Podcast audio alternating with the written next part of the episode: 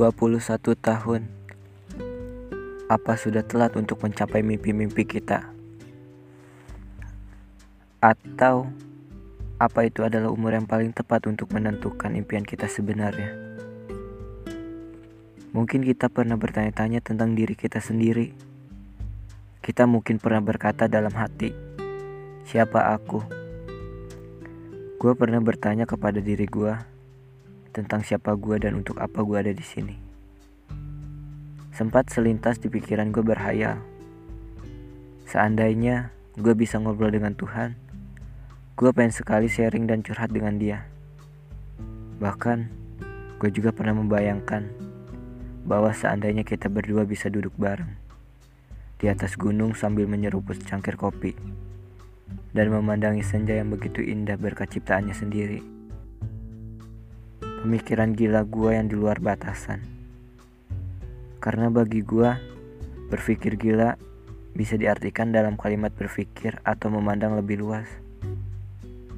Selepas dari pembahasan tentang siapa kita, sebenarnya ada sebuah sumber kecemasan yang gue terima di umur-umur segini. Contohnya, seperti sebuah benturan idealisme dan harapan dari sebuah keluarga terutama dari persoalan finansial. Gak lupa juga perasaan yang selalu terjebak dalam sebuah situasi untuk menata ulang lagi tentang kehidupan. Bahwa ternyata kita sadar tujuan hidup tidak serealistis dengan apa yang kita bayangkan. Dan harus mengukuhkan komitmen baru soal ketertarikan, aspirasi, dan nilai-nilai yang dipegang. Ternyata hidup ini bukan untuk makan, tapi makan untuk hidup agar bisa berguna bagi kehidupan ini dan orang lain. Kayaknya prolognya udah terlalu kepanjangan deh. Dan mungkin juga ini episode kedua gue yang sedikit berat pembahasannya. Jadi di podcast gue yang gak terlalu penting ini, gue akan nemenin kalian di malam hari ini ke dalam tidur kalian.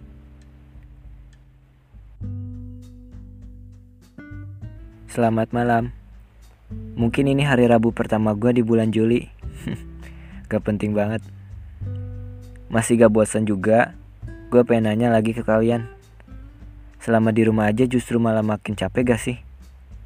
Kalau jujur, gue sih iya, capek banget. Tapi ya, kalau misalkan gue bandingin lagi sama hari-hari sebelum ada pandemi ini, gue tuh capeknya capek kayak dibikin bahagia gitu.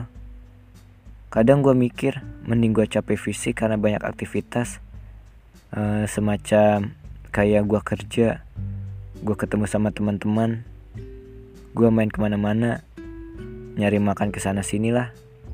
Bukan capek yang kayak gini, capek yang mikirin hari ini mau ngapain. Karena gak ada kegiatan lainnya, capek di rumah diem aja. Banyak banget waktu yang terbuang sia-sia Cuma karena mikirin gak tahu harus mikirin apa lagi. Apalagi di jam waktu-waktu sebelum tidur. Jujur, jam tidur gue jadi berantakan banget. Bahkan bisa sampai parah banget. Jam 5, jam 6 tuh baru ngantuk dan baru pengen tidur. Jadi misalkan mungkin kalian merasakan hal yang sama kayak gue, ngerasain sesuatu yang bosan, kita sama kok. Mungkin kalian pasti tahu rasanya seperti apa sakit ketika kita terjatuh.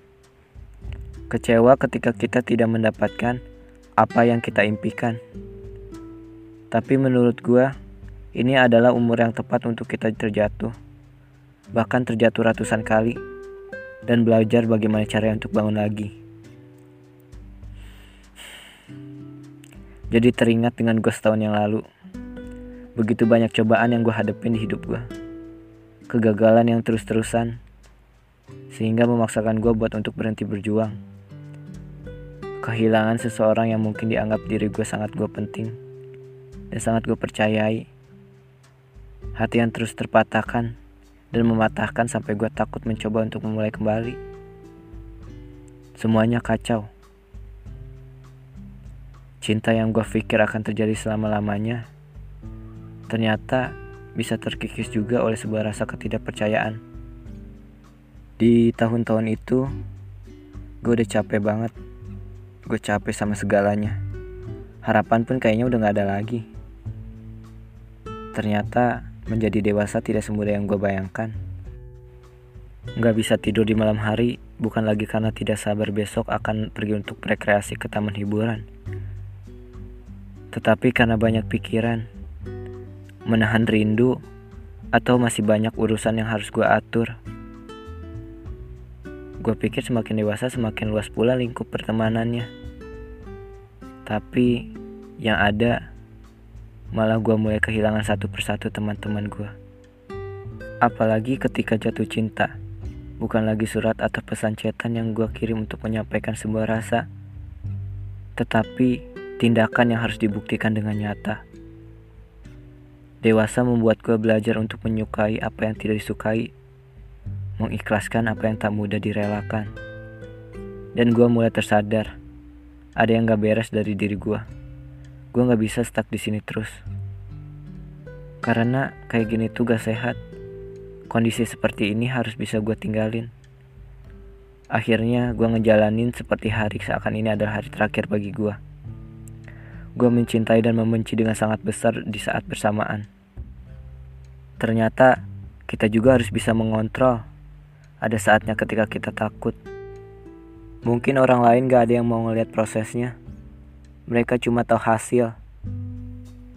Nggak peduli seberapa kerasnya susahnya proses yang kita lewatin. Mereka hanya lihat hasil. Tapi buat gua proses adalah bagian penting dari sebuah keberhasilan. Sama pentingnya kayak orang-orang di sekitar gua yang percaya sama gua.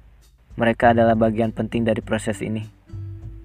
Kembali lagi di tahun ini, banyak hal yang sangat menyakitkan kembali untuk kita rasakan. Kita melalui banyak sekali tekanan di tahun ini. Kita semua hebat. Gue tahu itu semua nggak mudah. Gue tahu itu sulit.